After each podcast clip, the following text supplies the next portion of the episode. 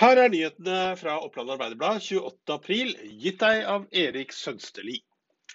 Koronapandemien kan nå et toppunkt først i januar neste år.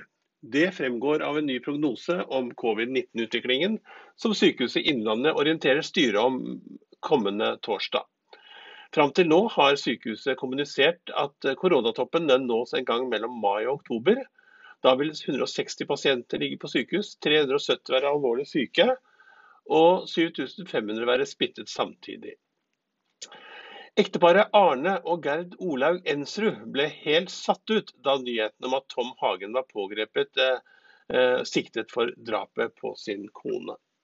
Jeg begynner nesten å grine, sier Gerd til Hadeland tirsdag etter formiddag.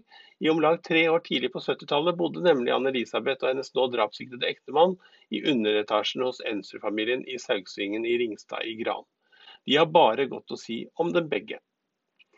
Opprinnelig skulle Eg vinden blitt spilt i låven på Pressgarden i Snertingdal. Men av virusrelaterte årsaker skal Jon Fosses teaterstykke nå spilles på Friscena på Gjøvik kino scene.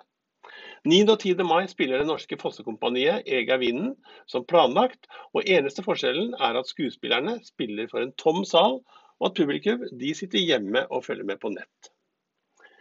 Koronakrisen har ført til store permitteringer i Vest-Oppland. Nav Innlandet må øke bemanningen for å håndtere pågangen.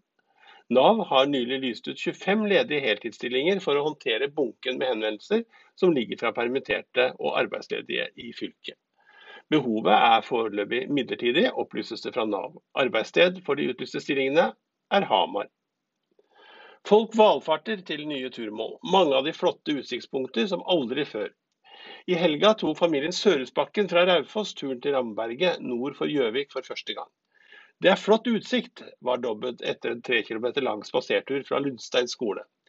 Tiril Rausand, Sunniva Rausand og Mina Lillesolberg var også svært fornøyd. De tok turen til Ramberget for første gang, og de overnattet også i hengekøyer, noe som er svært populært for tiden.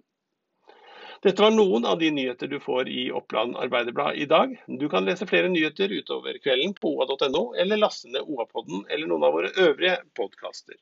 På gjensyn i morgen.